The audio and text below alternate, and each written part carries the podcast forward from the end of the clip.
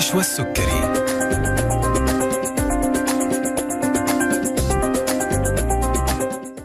بسم الله الرحمن الرحيم. السلام عليكم ورحمة الله تعالى وبركاته.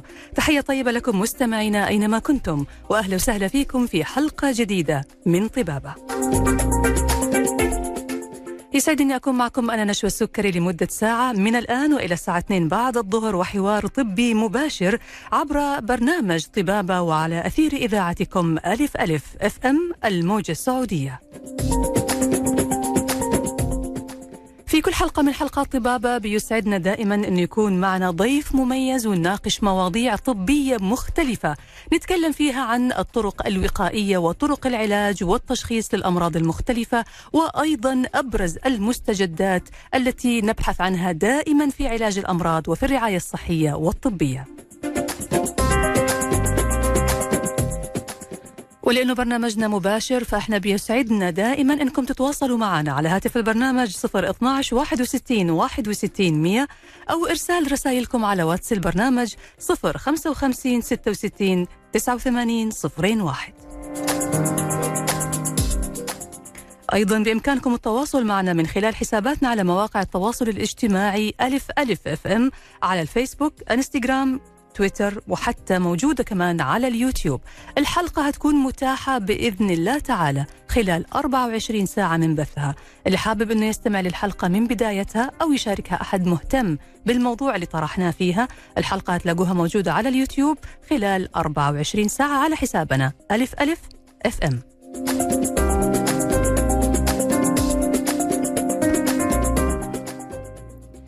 موضوع حلقتنا اليوم موضوع مهم لكل المقبلين على الزواج وحتى للأزواج الجدد. دائما يتطلع كل زوجين في بداية حياتهما إلى إنجاب الأطفال وتكوين أسرة صغيرة. إذا مر شهران أو ثلاثة من المحاولة دون حدوث الحمل يبدأ القلق. بالرغم من أن حدوث الحمل يعت- يعتمد على عدد كبير من العوامل المتعلقة بالزوج والزوجة ومن الطبيعي أن تمر عدة أشهر أو أكثر قبل حدوث الحمل. لكن تدور التساؤلات. لماذا لم يحدث الحمل؟ يبدأ دائما البحث عن أسباب تأخر الإنجاب وطرق العلاج وهذا هو موضوع حلقتنا اليوم العقم وتأخر الإنجاب. بنسعد أعزائي المستمعين أنه تكون معنا اليوم ضيفة مميزة وهي الأستاذة الدكتورة فاطمة العتيبي. أستاذ دكتور طب النساء والتوليد والعقم وأطفال الأنابيب بمستشفى آية تخصصي. حياك الله دكتورة وأهلا وسهلا فيكي أهلا وسهلا بك أخت نجوى. يشرفني ويسعدني وجودي وتواجدي معكم في هذا البرنامج المميز وفي ألف ألف FM. الموجة السعودية. نعم ألف ألف أف أم الموجة السعودية. الموجة السعودية. واليوم إحنا موجتنا معاك يا دكتورة راح تحلق في أثير الإذاعة وعبر الفضاء. هنتكلم عن موضوع مهم لكل الشباب والفتيات المقبلين على الزواج أو حتى للأزواج الجدد اللي عندهم حلم يصيروا يعني آه، أب وأم ويكون عندهم أطفال. وممكن في بعض الأحيان تكون في عقبات أو أسباب تمنع أو تؤخر هذا الحلم إنه يتحقق. فخلينا في البداية نوجه كلمة كده للمقبلين على الزواج. يعني دائما أول حاجة تخطر على بال أنا أنا عقيم هل ممكن يكون عندي عقم؟ هل أنا ممكن يكون عندي مشاكل؟ طيب متى؟ يعني نقول إنه في عقم يا دكتورة. خلينا نعرف العقم. العقم هو عدم القدرة على الإنجاب. آه، أغلب السيدات والرجال عندهم قدرة على الإنجاب. كلمة عقم كلمه نعتبرها صعبة. صعبة أو صح. قوية. قوية. هناك بعض الأمراض اللي ممكن تأخر ال- الإنجاب لكن العقم هذا ما نوصل لكلمة العقم إلا إلا إلا بعد أخذ التاريخ المرضي. إجراء التحاليل آه، معينة وبعدين نوصل لكلمة عقم. فأنا أعترض على كلمة عقم في ولز- ولنسميها تأخر الإنجاب. تأخر الإنجاب. صحيح. جميل. طيب إذا إحنا اليوم بنتكلم عن إنه ما بلاش ندخل مرة واحدة كذا في موضوع العقم نعم. لأنه هذا موضوع طويل وقد تكون في أسباب أو بعض الصعوبات. يعني في في مؤشرات معينة واسباب معينة بتعيق الحمل. خلينا نقول إعاقات بسيطة. أيوه. صحيح. طيب إيش هي يا دكتورة أبرز الأسباب اللي بتؤدي إلى تأخر الإنجاب عند السيدات؟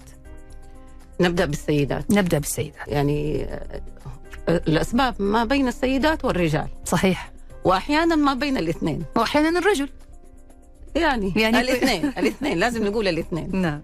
آه، السيدات آه، أكثر شيء ملاحظ في مجتمعنا السعودي هو تكيسات المبايض تكيس المبايض تكيس المبايض مم. تكيس المبايض ما يعني انه وجود أكياس على المبايض تكيس مم. المبايض يعني عدم انتظام الدورة الشهرية. مم. وعدم حدوث تبويض في بداية في كل دورة شهرية. مم. فهذا من الأسباب الرئيسية التي تؤدي إلى عدم الإنجاب. مم. هنالك أسباب أخرى. سؤال يا دكتورة بما أنه هذا من أكثر الأشياء شيوعا عندنا في المجتمع السعودي هل في أسباب معينة؟ أكيد أكيد. مثل إيش؟ عشان برضو نعرف ليش ممكن يكون في تكيس مبايض منتشر عند السيدات أوكي يمكن السمنة من أهم الأسباب طبعا في عامل وراثي في الموضوع مم. أو جينات والأسباب المساعدة على حدوث آه، تكيس المبايض السمنة مم. آه، نوعية أو طريقة الأكل مم. ال- ال- العادات اللي إحنا دائما نتبعها في الأكل مم. يعني أكل الكربوهيدرات بطريقة عالية مم. آه، عدم أخذ آه، خضار فواكه لحوم في الأكل مم.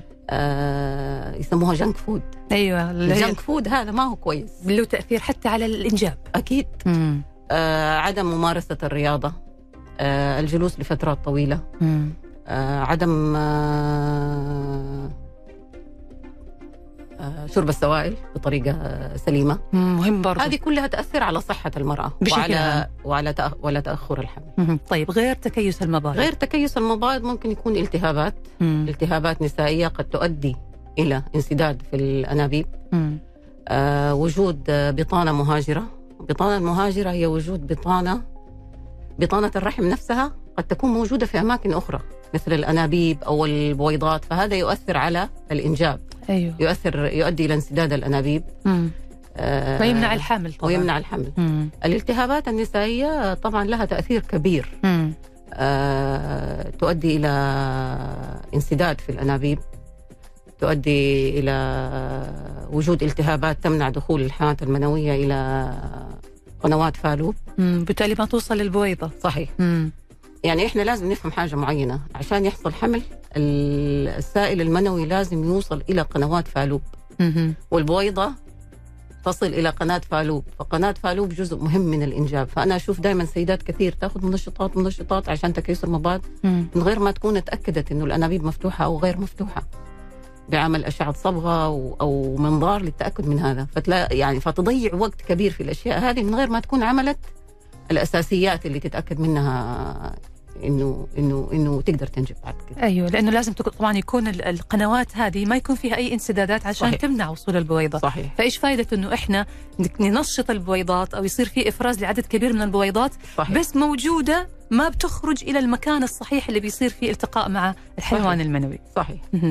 آه طبعا ضعف آه مخزون التبويض حاجة صرنا نشوفها كثير الحين في هذه الأيام مم. خصوصا مع آه تأخر سن الزواج مم. إيه، تأخر سن الزواج أحيانا يؤدي إلى إنه الفتيات يجوا يحملوا يكون مخزون التبويض ضعيف أيوه فهذه يعني دائما أنا أقول تشجع البنات على الزواج في سن مبكر أحسن سن للزواج دائما إحنا نقول من 21 سنة إلى 34 سنة مم. هذا الوقت ال- الخصوبة المرتفعة. الخطوبة المر... الخصوبة المرتفعة للمرأة مم. مم. فينصح بالزواج في هذه الفترة جمال ممتاز يا دكتور طيب هل في دكتورة أنا الآن أنا هرجع لموضوع ال- العقم بس بس ما هقول العقم برضه تأخر الحمل. تأخر الحمل. هل في أسباب أو مؤشرات آه، تظهر إنه ممكن يكون في مشاكل في الحمل مستقبلا؟ نعم. مم. يعني عدم كسيدات عدم كسيدات. انتظام التبويض. إحنا لسه في السيدات. ما زلنا في السيدات. إيوه. عدم انتظام التبويض. عدم انتظام التبويض يعطي مؤشر انه إنه في مشكلة في. في مم. ط... في التبويض مم. التبويض الدورة ليش تكون منتظمة لأنه في بويضة تطلع كل شهر. شهر. مم. فإذا تأخر فإذا مواعيد تأخرت الدورة صارت غير منتظمة مم. ولما نعني غير منتظمة يا إما تتأخر أو تتقدم إحنا دائما الوقت اللي نقول عليه وقت مناسب هو أسبوع من الوقت مم. قبل أو بعد. موعد الدورة أكثر من فإذا كذا كان أو تاخير أكثر من كذا فمعناته عندنا غالبا مشكلة في التبويض أم- فنتأكد إنه إيه نعم فهذه علامة ومؤشر إنه إنه إنه إنه قد في يكون في مشاكل قد يكون في. مشاكل في التبويض. مم. الشيء الثاني الآلام اللي هي قبل الدورة. أوكي؟ قد يكون علامة أيوه. لوجود بطانة مهاجرة أو وجود التهابات. الألام الشديدة؟ الألام الشديدة. أيوه. الطبيعي إنه يكون في ألم مع بداية الدورة. أول محتمل. يوم ثاني ثالث. أيوه. طبيعي يكون مم. في ألم مع الدورة بس ألم محتمل. مم. وتقلصات. وهذه علامة طيبة للتبويض. لكن لو في آلام شديدة قبل الدورة آه، تسبب غثيان تسبب آه، عدم قدرتها على الذهاب. للعمل آه. تصير خلاص كريبلد يعني مم. ما هي قادرة تتحرك من. مكانها. هذا قد يؤدي قد يكون في سبب واضح إنه يكون في مشكلة. في التبويض طيب هنكمل حلقتنا وهنكمل هذه النقطة تحديدا يا دكتورة نعم. نعرف إيش المؤشرات اللي ممكن تنبئ أو تؤشر إنه قد يكون في مشاكل في الحمل مستقبلا لكن لازم نطلع الآن فاصل قصير نستقبل خلاله مستمعينا أسئلتكم واستفساراتكم على واتس البرنامج 055 66 89 صفرين واحد مع ضيفتنا الأستاذة الدكتورة فاطمة العتيبي. أستاذ دكتور طب النساء والتوليد والعقم وأطفال الأنابيب بمستشفى آية تخصصي. فاصل وراجعين.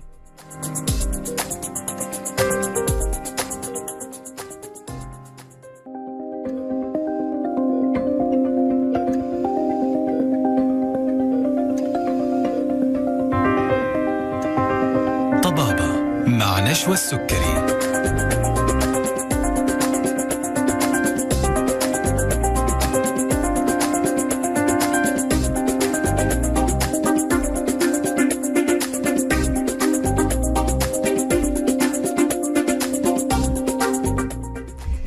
الله من جديد مستمعينا الأعزاء وأهلا وسهلا فيكم مرة ثانية في برنامج طبابة على ألف ألف FM الموجة السعودية ومع ضيفتنا اليوم الأستاذة الدكتورة فاطمة العتيبي أستاذ دكتور طب النساء والتوليد والعقم وأطفال الأنابيب بمستشفى آية التخصصي. بيسعدنا مستمعينا الأعزاء أنه نستقبل أسئلتكم واستفساراتكم واستشاراتكم عبر عيادة طبابة أونلاين مع ضيفتنا الدكتورة فاطمة على واتس البرنامج 055 66 89 صفرين واحد. حياك الله دكتورة وأهلا وسهلا فيك مرة ثانية. أهلا وسهلا اثنين طيب إحنا كنا دكتورة قبل الفاصل بنتكلم عن المؤشرات اللي بتبين إنه ممكن يكون في عقم مبكر أو تأخر إنجاب مبكر. بالنسبة للمرأة كنا بنتكلم. آه بالنسبة للرجل إحنا طبعا حضرتك قلتي يعني معلومة مهمة قلتي إنه موضوع الإنجاب هذا أو تأخر الإنجاب ما هو للمرأة فقط هو شيء يعني مشترك بين الزوج والزوجة. نعم. قد يكون الزوج هو المسؤول عن تأخر الإنجاب مو المرأة. فإيش هي الأشياء برضو اللي بتؤدي إلى تأخر الإنجاب عند الرجل؟ نعم. تأخر الإنجاب عند الرجل طبعا ما حنعرفه إلا بطريق ب... ب... فحص. بتحليل السائل المنوي فحص. السائل المنوي للأسف آه، أغلب الرجال يرفض عمل السائل المنوي عالجيها هي أول وبعدين نشوف إحنا. ليش؟ فما أعرف إيش المشكلة. فأنا دائما أقول ترى to have baby. عشان يكون في طفل أيوه. لازم أتأكد من الناحيتين. صحيح. من البويضة وقنوات فالوب والسائل المنوي مم. فتحليل السائل المنوي شيء مهم جدا قبل بداية عمل أي علاجات مم. فأنا أهيب بالرجل في يوم المرأة العالمي إنه الله يرضى عليك لا تحط الضغط كله على المرأة وانت ترفض تسوي التحليل. اي صحيح لأنه إحنا اليوم في يوم المرأة العالمي فهذه مرة مهمة إنه يعني صحيح. نقول كلمة لكل رجل. أول حاجة هذا شيء ما ينقص من رجولة الرجل شيء. صحيح. لا ياخذ الموضوع إنه يعني في تحسس وتحرج من إنه لا أنا ليش أسوي؟ الرجل ما يعيبه شيء. في النهاية يعني أي مشكلة صحية الإنسان صحته وأمره كله بيد الله سبحانه وتعالى. طبعا. إذا في خلل في حاجة معينة هي هي مسؤولية مشتركة. طبعا. وبعدين برضو على الجانب الثاني يا أخي ارحم هذه المرأة صحيح. تروح تسوي تحاليل وفحوصات. وأشعة صبغة وأشعة رنين في بعض الأحيان وتتعرض لكل أنواع التحاليل المزعجة وهو ممكن يكون المشكلة عنده هي ما فيها إلا العافية. صحيح. طب ليش؟ فيضيع وقت كثير. يعني أنا ألاقي أحيانا تضيع آه، وقت كثير وثمين آه، ومصروف عالي جدا في تنشيط التبويض وفي العلاجات والعلاجات المستمرة. وفي النهاية نيجي نعمل التحليل يكون هو المشكلة. فنرجع لتحليل السائل المنوي شيء مهم جدا. في في عملية آه، تحديد المشاكل ضعف السائل المنوي ضعف في العدد ضعف في الحركة وجود مم. التهابات في السائل المنوي آه، وجود خلل في الهرمونات في بعض مم. الأحيان تكون المرأة أخذت علاجات لسنين ولاقي السائل المنوي صفر يا الله نتيجة لالتهابات سابقة أو نتيجة لانسداد آه، في قنوات ال- آه، الخصية مم. التحليل شيء مهم جدا مم. لازم تسوى جميل طيب إحنا دكتور الآن بنتكلم عن إنه في آه، تأخر للإنجاب بيصير بعد الزواج للي ما سبق لهم طبعا يعني إنه صار في حمل أو شيء. بعض الأحيان دكتورة بيكون في حمل لكن ما بيكتمل. يعني مو بس الحمل ما صار لا هو الحمل صار بس الحمل ما يكتمل. هذه إيش أسبابها؟ صحيح. الحمل ما يكتمل إذا كانت النطفة غير. سليمة. النطفة. النطفة. النطفة من فين تجي؟ تجي من التح... من السائل المنوي والبويضة. فإذا النطفة ما هي سليمة فغالبا ما يكمل الحمل وهذه نسبتها طبيعية في الحمل مم. الطبيعي تكون نسبتها من 1 إلى 2% مم.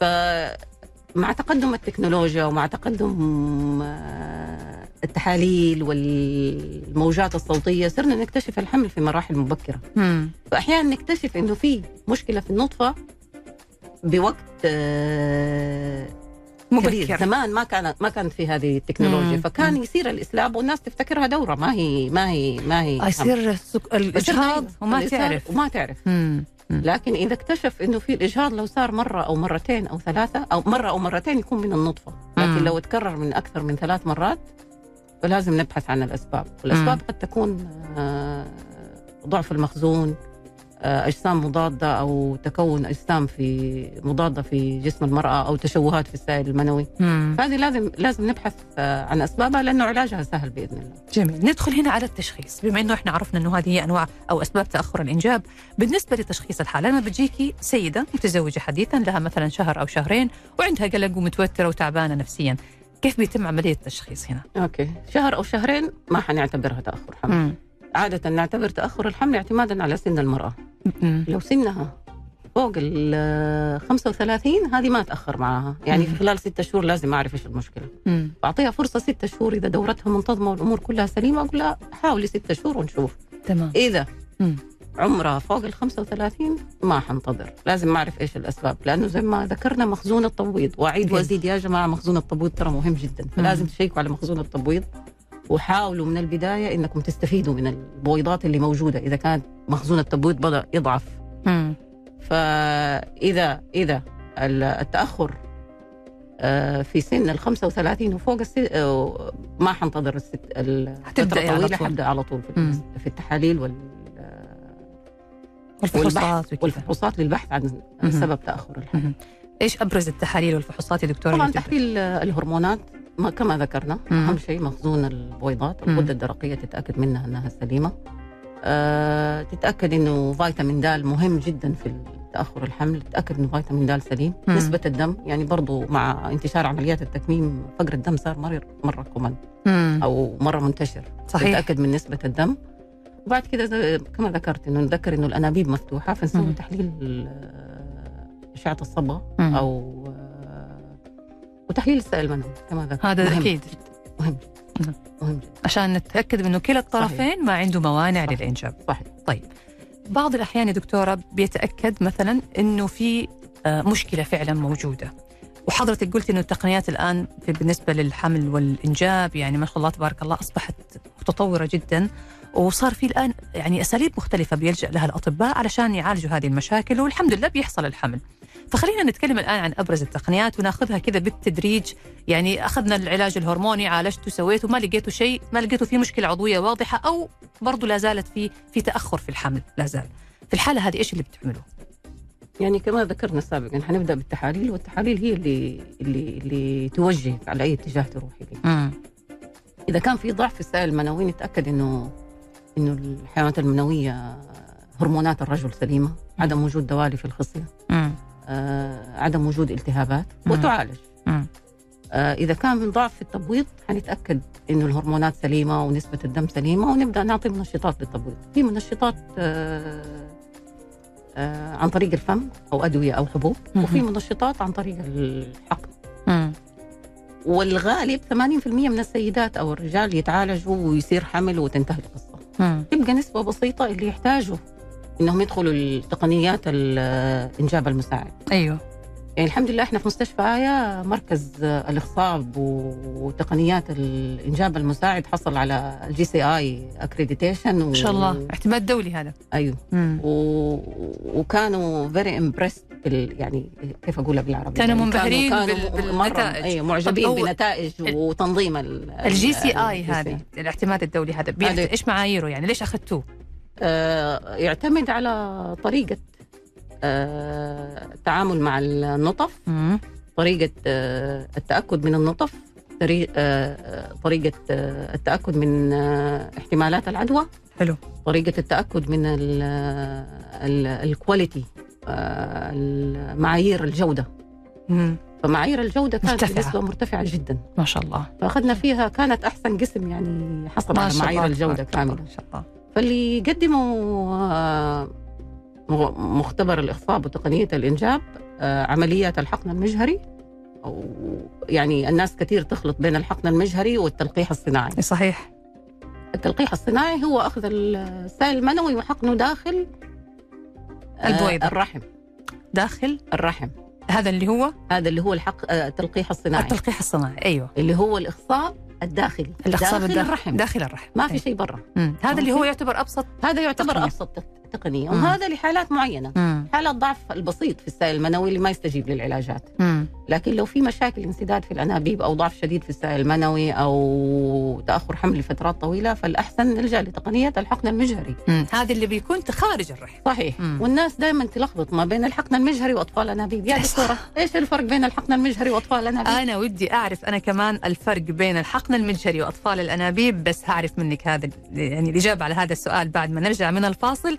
واللي لازلنا فيه نستقبل أسئلتكم واستشاراتكم على عيادة طبابه أونلاين مع ضيفتنا الدكتورة فاطمة العتيبي أستاذ دكتور طب النساء والتوليد والعقم وأطفال الأنابيب بمستشفى آية التخصصي. واتس البرنامج 055 66 89 01 فاصل وراجعين نعرف إيش الفرق بين الحقن المجهري وأطفال الأنابيب.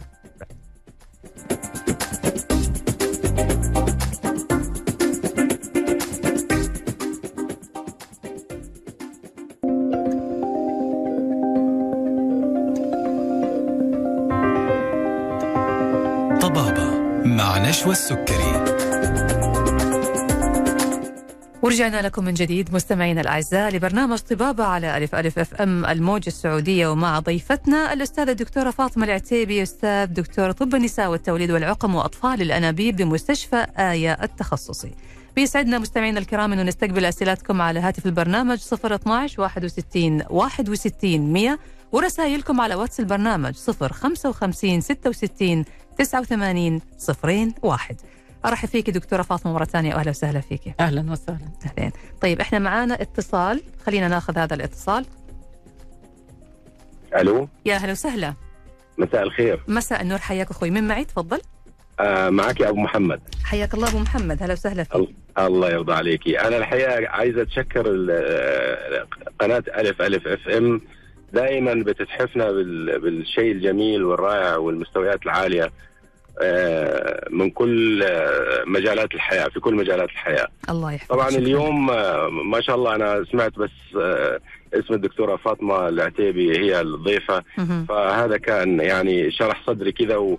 ودائما آه، أنا بتواصل وبتابع آه، أخبار الدكتورة فاطمة. فمساء الفل دكتورة فاطمة. مساء النور. حياك الله أبو محمد. الله يرضى عليك. الحياة دكتورة فاطمة أنا اولا أحب اشكرك على ال- ال- الصرح ال- الجميل اللي موجود في مدينة جدة فعلا في شارع أمير سلطان. آه، ما شاء الله يعني في كل تفاصيله وفي كل آه، دقائق الأمور اللي فيه آه، معمول بطريقة فنية رائعة ويخدم كل الناس وشريحة كبيرة. وأهم شيء فيه هو المحافظة. على آه، نمط معين آه، من الالتزام ومن ال- الخدمة الرائعة والراقية آه، أبو محمد 24 أنت مريض حضرت المستشفى؟ ولا أنا إيش الحقيقة- صفتك تتكلم؟ أنا أنا الحقيقة دكتورة لي صديق دخل المستشفى عندكم كان جاب زوجته تولد ولادة وهي هو مقيم في الإمارات في في أبو ظبي. وزوجته أصرت تيجي تولد في مستشفى آية. فبعد حكى لي الحقيقة على تجربته في المستشفى فكان جدا مبسوط و- وخاصة الأجنحة الموجودة والغرف ومستويات العالية جدا. أن تشكري دكتورة وهذا مجهود كبير الحقيقة. وحتى من من أفضل التجهيزات موجودة في المستشفى حسب ما حكى لي طبعا. أنا ما دخلت المستشفى يعني. ولكن تشكري عليه فعلا لأنه آه، ده بيس- يحتاج جهود كبيرة جدا. بارك الله فيك أبو. شكرا الله لك يا أبو. محمد شكرا لك الله يعطيك العافية شكرا لشهادتك عندي سؤال بس دكتورة. أنا عندي عندي آه، بنت أخي آه، صار لها متزوجة تقريبا حوالي عشر سنوات نعم آه، وهي دارسة يعني دارسة جامعة هندسة وزوجها برضه مهندس ولكن ما أمر وأذن الله سبحانه وتعالى بأنه يصير عندهم أولاد. آه، اللي عرفته منها طبعا هي ما بتحكي لي كثير لكن اللي عرفته منها إنه هي زوجها شوي من النوع اللي قلتي عليه حضرتك في في المقابلة. آه، ما بيحب يعمل تحاليل هو بالبداية ما بيحب يسوي شيء شوفي انت اعملي. فلحد الآن للأسف ما عملوا أعتقد ولا محاولة. فإيش النصيحة في هذا الظرف؟ لازم أبو محمد لازم من تحليل الزوج. يعني أنا عادة أرفض إذا خصوصا إذا كانت فترة طويلة أرفض إني أعالج يعني أحاول أقنع الزوج بأي طريقة. مم. نقعد نتكلم معاه ونشرح له طريقة آه، إنه لازم لحدوث الحمل نتأكد من وجود آه، إنه الحيوان المنوي سليم إنه البويضات سليمة إنه الأنابيب مفتوحة. فهذا لازم التحليل يتعمل. تمام. شكرا لك أبو محمد. الله يعطيك العافية. شكرا, شكرا. لمداخلتك. الله يسلمك. وطبعا مثل ما يعني مثل ما تفضلت الدكتورة فاطمة يعني إحنا قلنا إنه موضوع الإنجاب هو موضوع مشترك بين الزوج والزوجة. لما الزوج بيتردد أو بيرفض إنه يعمل التحليل ترى هو قاعد يحرم نفسه من من إحساس الأبوة. مو بس بيحرم الأم أو بيحرم الزوجة. فإذا أنت تبغى تصير أب ليش تتأخر؟ ليش تعاند؟ ويضيع ويضيع مبالغ عالية ومبالغ كبيرة في في علاج الزوجة وهي ما وهي ما عندها مشكلة. أي صحيح. ويضيع وقت كمان عليهم. ممكن تكون يعني هي المرأة ما عندها مشكلة والمشكلة عنده مع السنوات اللي قاعدة تمر هذه ممكن المخزون عندها. زي ما حضرتك قلت يا دكتورة فاطمة يقل. لما هو يقتنع إنه يسوي التحليل ويجي يسوي التحليل تكون فرصتها هي صارت أكيد. قليلة. أكيد. فرحمة يعني ورفقا بالقوارير. أرجوكم رفقا بالقوارير. طيب نرجع دكتورة لموضوعنا. إحنا كنا بنتكلم عن تقنيات الإنجاب الحمل المساعد وهي طبعا حضرتك قلت التلقيح الصناعي آه، أطفال الأنابيب والحقن المجهري قلنا أنه التلقيح الصناعي هذا اللي بيتم داخل الرحم ويوضع الحيوانات المنوية داخل الرحم بطريقة أو بتكنيك معين. وجينا عند الحقن المجهري وأطفال الأنابيب. نبغاك تشرحي لنا. آه البداية بدأت بأطفال الأنابيب. م. أطفال الأنابيب بدأت آه في السبعينات. مم. أول طفلة من الأنابيب كانت لويس براون آه بدأت بأخذ البويضة ووضعها بجانب الحيوانات المنوية مم. عادة في الحمل الطبيعي الحيوان المنوي القوي هو اللي يخترق البويضة ويدخل داخلها ويصير التلقيح مم. فاطفال الانابيب بدأت بهذه الفكرة مم. إنه آخذ البويضة أحطها في في أنبوبة وأحط الحيوانات المنوية جنبها. في نفس الأنبوبة. في نفس الأنبوبة. والحيوان المنوي القوي هو اللي يلقح البويضه فهذه فكرة أطفال الانابيب بعدين في المختبرات اكتشفوا فجأة إنه الناس اللي يكون عندهم حدثت بالغلط التلقيح الحقن المجهري. كان آه، مساعد في المختبر بالغلط أخذ الحيوان المنوي وحقنه داخل البويضه بالغلط. بالغلط. أيوه. والله يعني ميزينها من غلطة. فاكتشفوا إنه لما تحقنت البويضة داخل تحت المجهر داخل البويضة حصل حمل. مم. فصارت تقنية مستعملة كثيرا خصوصا لو كان في ضعف شديد في السائل المنوي مم. فهو نفسه الحقن المجهري هو أطفال الأنابيب. الفرق إنه بدل بويضه وحيوان منوي يلقحوا بعض لا آخذ تحت المجهر. الحيوان المنوي واحقنه داخل البويضه ولهذا سمي بالحقن المجهري. في دكتورة بعض الناس يقول لك عندهم تخوف لما نجي يعني يقولوا لهم الحقن المجهري يقول لك لا والله أنا أخاف. يعني آه، إحنا بناخذ الحيوان المنوي اللي هو ما هو قادر أصلا يخترق البويضة يعني عنده ضعف وأدخله في البويضة بالقوة. فقد يكون الحيوان المنوي أصلا ضعيف فهذا ممكن يكون سبب في تشوهات طبعا في المختبر يتم تحليل السائل المنوي واختيار الحيوانات المنوية القوية قوية. وهي اللي تحقن داخل يعني نسب يعني هذا المفهوم وهذا يعطي نسب أيوه, أيوة. يعطي نسب أعلى عالية جدا إحنا في مستشفى آية زي ما قلت لك أخذنا ال JCI وعندنا نتائج آه، في مختبر الاخصاب في آه، عالية جدا مم. يعني وصلنا ولله الحمد للمستويات العالمية مم. في نتائج الحمل من الاطفال الأنابيب والحقن المجهري ما شاء الله نعم. يعني أنتم ما شاء الله محققين نسب مرتفعه جدا نعم. في في هذا المجال. نعم. وقلت لك ال JCI كان آه، يعني ال accreditation كانت آه، كانوا very impressed يعني كانوا متفاجئين بالمستوى في المختبر. ما شاء الله. طب هو طبعا صراحة يعني أي إنجاز لأي منظومة طبية سعودية إحنا نعتبره إنجاز سعودي؟ طبعا. فصراحة يعني إحنا بنحييكم على هذا الإنجاز. الله يبارك فيك. أنا أبغى أقول لك مستشفى آية. يعني كانت فكرة مستشفى آية إنه إنشاء مستشفى نساء وولادة مم. متخصص للمرأة يا سلام. إحنا دائما نقول لهم اعتبروا المرأة ملكة في المستشفى بتدللوها واضح بدينا بالمرأة من طفلة مم. إلى امرأة مرا يعني قبل الزواج فحوصات قبل الزواج. وعلاجات آه عدم انتظام الدورة وعلاجات الالتهابات وعلاجات سن البلوغ. وبعدين أخذناها في مرحلة الحمل والولادة وتأخر الحمل وبعدين كمان في سن انقطاع الدورة وال- والعلاجات بعد انقطاع الدورة مم. عندنا جميع التخصصات ولله الحمد من آه، تأخر الحمل من آه، الولادة من آه، أطفال من مشاكل الحوض مشاكل المهبل مم. مشاكل سقوط ال- المهبل سقوط المثانة مم. المستقيم كلها موجودة في المستشفى يعني أنتم بتستلموا المرأة من من المرأة من المهد وللمرأة. من المهد إلى اللحد نعم لا إن شاء الله إن شاء الله إلى إلى إلى إلى سعادة يا رب سعادة. دائما على طول. على طول عشان. كذا سمينا إحنا نفسنا نحن هنا من أجل الحياة يا من أجل سلام. حياه المراه المراه. ملكة عندنا مم. هو جميل طبعا إنه المرأة تلاقي مكان واحد تتابع فيه تطوراتها الطبية والصحية وكل شيء يطرأ على حياتها. صحيح. من أول ما تكون صغيرة نعرف دائما إحنا نرتبط بالمكان ونرتبط بالأشخاص. نعم. فأكيد لما نلاقي مكان كويس بيقدم لنا خدمة يعني ورعاية صحية طيبة أكيد إنه إحنا راح نكون دائما متابعين مع هذا المكان وما صحيح. نحب انه إحنا نغيره. حلقتنا مستمرة معك دكتورة فاطمة. هنطلع فاصل ونرجع بعد الفاصل. باقي عندنا محور أو محورين وناخذ أسئلة المستمعين علشان ما يزعلوا علينا. فاصل وراجعين.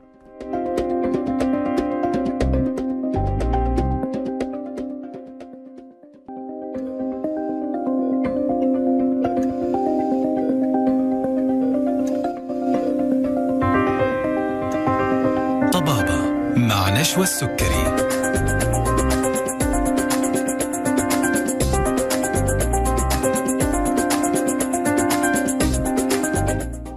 حياكم الله من جديد مستمعينا الأعزاء وأهلا وسهلا فيكم مرة ثانية في برنامجكم طبابة على ألف ألف أف أم الموجة السعودية ومع ضيفتنا اللي مشرفتنا اليوم الأستاذة الدكتورة فاطمة العتيبي أستاذ دكتور طب النساء والتوليد والعقم وأطفال الأنابيب بمستشفى آية. التخصصي. موضوع حلقتنا اليوم العقم وتأخر الإنجاب. لازلنا نستقبل أسئلتكم على واتس البرنامج 055 66 89 صفرين واحد. حياك الله دكتورة فاطمة مره أهلا وسهلا. طيب دكتورة أنا الحين صراحة يعني مضطرة أخذ أسئلة المستمعين لأنه عندي أسئلة كثير. فبعض الأسئلة اللي جات كانت من ضمن المحاور اللي هنطرحها على حضرتك فناخذها الآن. آه في عندي هنا مداخلة يقول السلام عليكم. بالأول والأخير الطفل للأب والأم.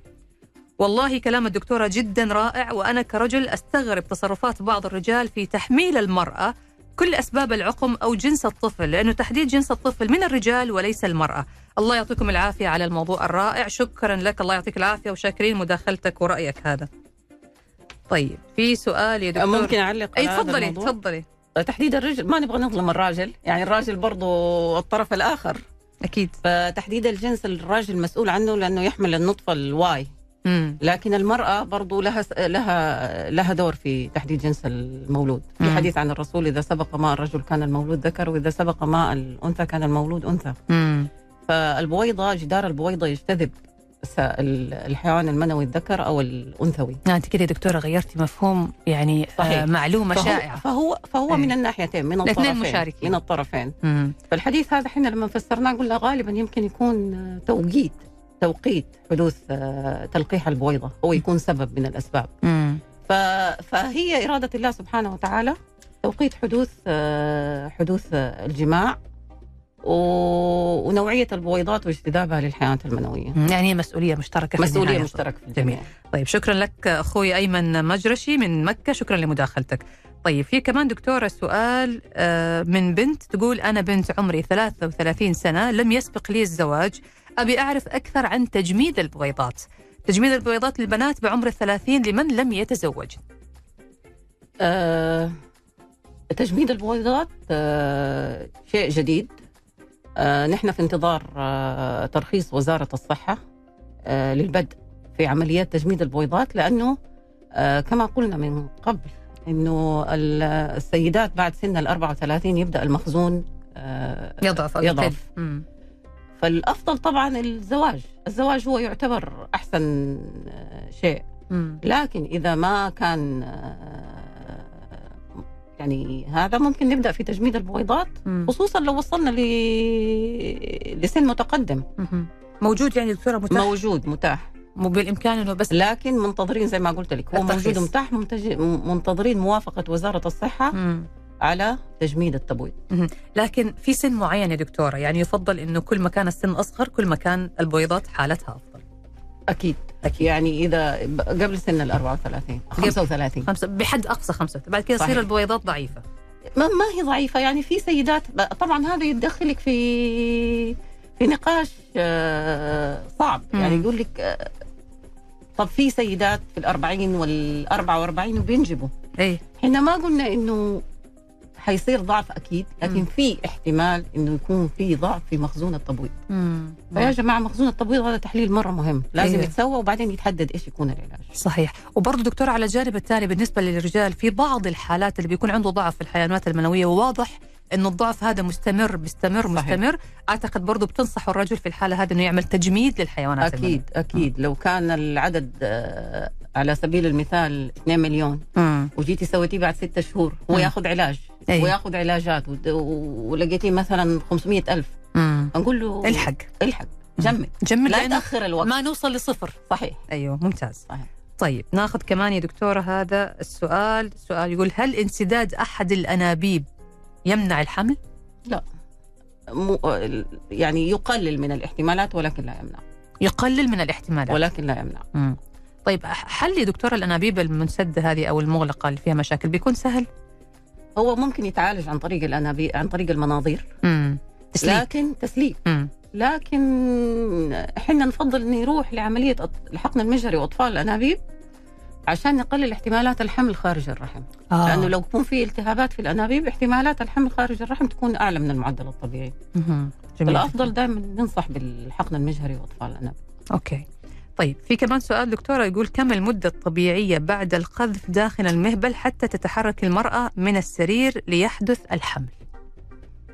يعني ما في كذا شيء واضح ومحدد إحنا دائما ننصح المرأة من نص ساعة إلى ساعة وبعد كده تقدر تتحرك بس. مو على طول مو على طول يعني تعطي فرصة للحيوانات المنوية إنها تتحرك. تسبح وتدخل داخل القنوات توصل. توصل إلى المنطقة صحيح. المقصودة صحيح. طيب هل التوتر والنفسية لها علاقة بتأخر الإنجاب؟ التوتر والنفسية له علاقة بجميع الأمراض. أوه مو بس الإنجاب. سكر ضغط آه، خربطة بالدورة تأثير على مخزون التبويض آه، سرطانات. مم. طيب كله له تأثير. فأكيد له علاقة بتأخر الإنجاب. ربنا قال وجعلنا لكم من أزواجكم آه،. نفسكم ازواجا مم. لتسكنوا إليها. فالسكن والمودة دائما والرحمة صحيح. يؤدي إلى حياة سعيدة. نعم. قلة توتر قلة أمراض. واطفال وحياة سعيدة. أيوه صحيح. يعني الله يكفينا شر التوتر والنفسية آمين. السيئة. آمين. ولا بذكر الله تطمئن القلوب. صحيح. يعني الإنسان صحيح. يسلم أمره لله مهما كان الشيء اللي فيه. في النهاية ما هناخذ غير اللي ربي قدره لنا. صحيح. طيب في سؤال يا دكتورة يقول السلام عليكم. أنا صار لي عشر سنوات ما حصل إنجاب. عملت تحليل السائل المنوي كانت النسبة صفر في المية. وعندي مشكلة في الخصية. على حسب كلام الأطباء في ضرر في الخصية. فهل في أمل في نفس حالتي؟ وآخر طبيب قال لي ممكن عبر آلية العينة الجذعية هل هذه الآلية متوفرة عندكم؟ آه، طبعا أنا لازم أعرف معطيات أخرى. هل هو عمل تحليل الكروموزومات؟ في كروموزومات للرجال تتعمل إذا عنده حاجة اسمها Y chromosome microdeletion حيكون صعب إنه نطلع حيوانات منوية من الخصية. مم. لكن إذا التحليل كويس الحين أغلب الأبحاث تقول ممكن اعطاء أدوية ومن ثم أخذ عينة عن طريق المنظار. أخذ عينات للخصية عن طريق المفضا- المنظار مم. مايكروسكوب وليس منظار مايكروسكوب مم. تعتبر أفضل طريقة للحفاظ على الخصية وللحصول على نطف أعلى يعني ممكن ممكن مم. بس بالمنظار مم. وليس تفتح وتقص وتشيل مم. لا بالم- بالميكروسكوب وفي الحمد لله الحين عندنا دكاترة وأطباء متخصصين في هذه الأشياء سبق وعملتوا هذه العمليات هي؟ موجودة موجودة في مستشفى آية مم. و- والحمد لله النتائج آه، عندنا أطباء أندرولوجي متخصصين آه، في هذه ال- آه، العمليات وبتطلع نطف وبنكمل بإجراء ونسب النجاح. مرتفعة؟ طيب ممتازة ما شاء الله تبارك الله ما شاء الله طيب السلام عليكم ورحمة الله وبركاته. تحياتي للبرنامج. أنا عمري 43 سنة متزوج من ست سنوات وللأسف تقريبا حصل حمل مرة واحدة لثلاث شهور وتم عمل جميع الفحوصات والتحاليل والأشعة وللأسف تم عمل حقن مجهري وفشل. إيش الحل؟ طيب حين نتكلم على نتائج الحقن المجهري نتكلم على النتائج على حسب سن الزوجة مم. أوكي سن الزوجة ب... عشان كده إحنا نقول تجميد البويضات لأنه البويضة في سن ال 34 من سن ال 21 ل 34 تكون نوعيتها مرة كويسة فاحتمالات الحمل مع الحقن المجهري تكون عالية مم. أول ما يبدأ سن الزوجة ي- يكبر. يزيد مم. تبدأ النتائج تضعف. أو نسب النجاح تضعف. تضعف مم. طيب آه عملية حقن مجهري مرة واحدة ليست كافية مم. في سن ال 43 مم. المفروض هو يحاول ويكرر إلين ما تطلع نطفة جيدة ويصير الحمل يقدر يكمل مم. والحين ال- مع تقدم ال- ال- الطب يعني من حضور المؤتمرات آه، في الفترة ال- ال- السابقة صار آه، تتعاطى منشطات بكميات عالية عشان نطلع بويضات أكثر مم. فيصير احتمالات تجميد الأجنة تكون أعلى مم. فيصير إذا ما نجح الحقن المجهري من المحاولة الأولى في أجنة مجمدة ممكن إعادتها والمساعدة. جنين. جنين مو مجمد بويضة ولا س... ولا. حيوانات منوية. يعني جنين. يعني نطف. نطف. أيوه. تجمد. مم. ثم تعاد إلى إلى الرحم؟ أيوه. مم. هذه طبعا بتكون نسبها أعتقد مرتفعة لأنه إحنا كده بناخذ من الرجل والمرأة وبنحصل على النطفة النهائية. تحصلي على نطفة في سنها وهي 43 لما آه. تيجي تسوي لها عملية الحقن المجهري هي عمرها مثلا 44 مم. لكن النطفة كم عمرها 30 30 لا مو المفروض- 30 إذا هي سنها 43 إذا في السن الصغير سويناه صحيح لكن أيوه. لو سويت لها السحب وهي سنها 33 آه. وجمت حيكون أصغر بسن. النطفة عمرها من من وقت ما سحبناه من وقت ما سحبنا أو من وقت صحيح. ما عملنا العملية صحيح ممتاز يعني ممكن في الحالة هذه كإجراء وقائي للناس اللي عندهم يعني فرص الحمل ضعيفة مثلا. وما هم عارفين يعني قد يكون في نسب شفاء ممكنة طبعا لكن ممكن يعملوا هذا الإجراء ويخلوه يعني. يخلوه آخر صحيح. خيار لو وصلوا لسن الأربعين وما صار يصير هذا الخيار متاح صحيح وكل كل شيء. بأمر لا الله يأسوا لا يأسوا من عدم النجاح من المرة الأولى يعني مم. أطفال أنابيب أحيانا ينجح من المرة الأولى أو الثانية أو الثالثة عندي باقي أسئلة كثيرة يا دكتورة والمخرج يقول وصلنا لختام الحلقة طيب أنا بأخذ هذا السؤال يقول أنا أسمعكم من السيارة يقول عمري كيف حالك دكتورة فاطمة؟ أنا عندي تأخر إنجاب وعمري 47 وسبق لي عمل أكثر من محاولة أنابيب. أحتاج أزورك الله يسعدك أعطيني موعد. يقول أنا أسمعكم أبشري. أسمعكم وأنا في السيارة إذا ممكن أتصل عليكم وأكلم الدكتورة.